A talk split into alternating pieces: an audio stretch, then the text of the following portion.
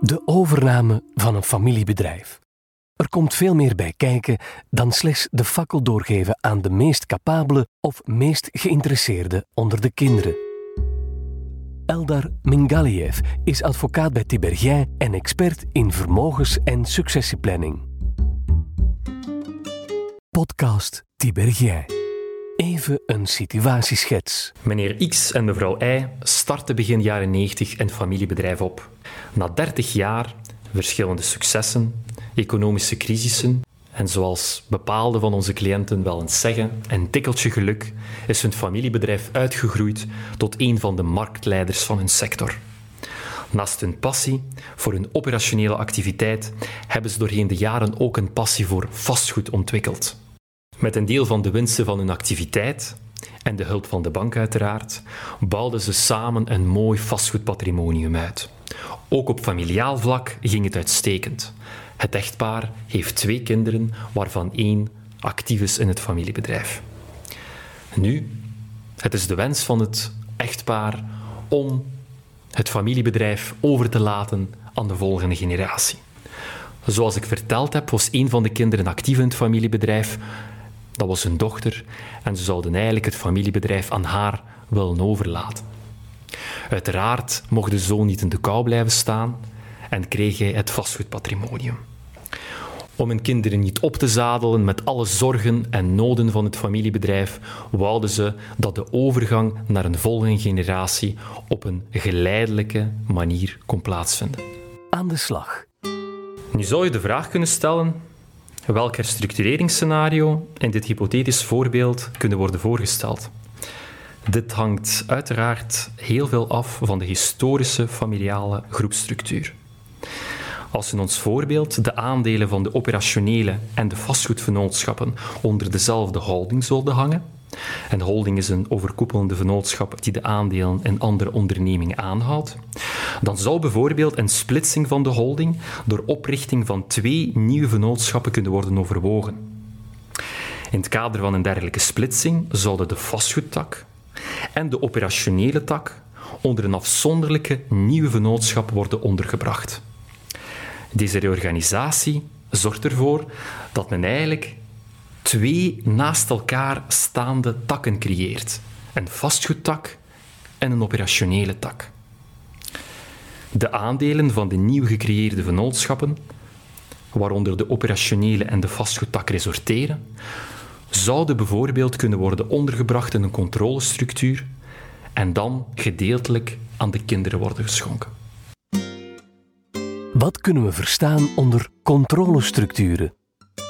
Dit zijn vennootschapsstructuren die het mogelijk maken om een deel van de aandelen van het familiebedrijf reeds aan een volgende generatie te schenken, maar zonder volledig de controle over het familiebedrijf te verliezen. Men overweegt vaker structureringen, zoals in het voorbeeld bij de overdracht van het familiebedrijf naar de volgende generatie, maar ook bij de verkoop van een deel van het familiebedrijf aan een derde of een familielid. Ook in het kader van het opzetten van een nieuw joint venture gaat men de familiale structuur vaker tekenen. Maar eigenlijk is het goed om op geregelde basis, bijvoorbeeld om de vijf jaar, de groepstructuur van het familiebedrijf tegen het licht te houden en te kijken of deze nog aan de belangen beantwoordt en aangepast is aan het snel evoluerend, juridisch en in het bijzonder het fiscaal kader. Wat is misschien wel de grootste uitdaging bij het uitdenken van een herstructureringsscenario? Volgens mij is de grootste uitdaging het verzoenen van de wensen van de familie met de noden van het familiebedrijf. Elke herstructurering is ook maatwerk, aangezien elke familie, maar ook elk familiebedrijf uniek is. Eigenlijk proberen we bij onze eerste gesprekken met de familie de fiscaliteit volledig te vergeten en vooral goed en aandachtig te luisteren waar de familie met het familiebedrijf naartoe wil. Pas als het volledige verhaal 100% duidelijk is, is het zaak om met de wensen van de cliënten rekening te houden en deze om te zetten in een structuur op maat. Wat verstaan we onder een goede structuur? Het vinden en het uittekenen van een structuur kunt u volgens mij best vergelijken met een fundering van een huis. Een goede structuur is heel belangrijk voor de standvastigheid van het familiebedrijf.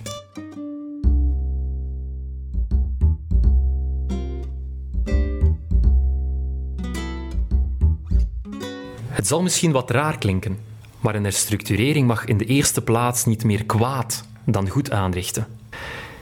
In de praktijk komt dit vaker voor dan u zou denken. Een herstructurering die voor bepaalde problemen de perfecte oplossing is, bijvoorbeeld op het vlak van de personen- of de vennootschapsbelasting, zorgt ervoor dat men een heel groot probleem heeft op een andere vlak, bijvoorbeeld de schenk- of de erfbelasting. U vraagt zich wellicht af waarom bepaalde zaken over het hoofd worden gezien. Bij herstructurering is het zaak om het overzicht te bewaren, het helikopterperspectief. Weten welke vragen, in welke gevallen, maar ook aan wie die moeten worden gesteld. Het ontwikkelen van een helikopterblik is heel uitdagend. Men moet van alles een beetje kaas gegeten hebben. Langs de andere kant ben ik van overtuigd dat een goede helikopterblik in dossiers vaak het verschil maakt. Het reorganiseren van een groepstructuur is een zeer normale fase in het leven van elk familiebedrijf. Familiebedrijven zijn eigenlijk voortdurend bezig met zichzelf te reorganiseren. De redenen hiervoor zijn legio: het voorbereiden van een overname, het afstoten van een bedrijfstak, het vereenvoudigen van de structuur en, zoals ik reeds vermeld heb, het organiseren van een overdracht naar een volgende generatie. Kortom, herstructureringen zijn geen uitzondering, maar eerder de regel in het leven van een familiebedrijf. Het ondernemen van een herstructurering wekt dan ook geen bijzondere negatieve aandacht van de belastingadministratie. Waar bij de overheid kan je alvast meer informatie aanvragen in zaken een mogelijke herstructurering. Voor vragen over inkomstenbelasting en btw rond herstructureringen kan men een individuele beslissing vragen aan de dienst voorafgaande beslissingen fiscale zaken, ook wel de rulingcommissie genoemd. Voor cliënten die in Vlaanderen wonen en een vraag hebben over schenken erfbelasting bij herstructureringen, kan een individuele beslissing worden gevraagd aan de Vlaamse Belastingdienst. Waar ligt precies de klemtoon voor een geslaagde herstructurering? Samenwerking bij herstructureringen is heel belangrijk. En dit van start tot finish. Bij de start is de input van de familie, maar ook die van de CFO bijvoorbeeld en de accountant heel belangrijk. Bij de implementatie komt de samenwerking met de revisor en de notaris op de voorgrond. Maar uiteindelijk is de goede samenwerking met de cliënt essentieel. Conclusie.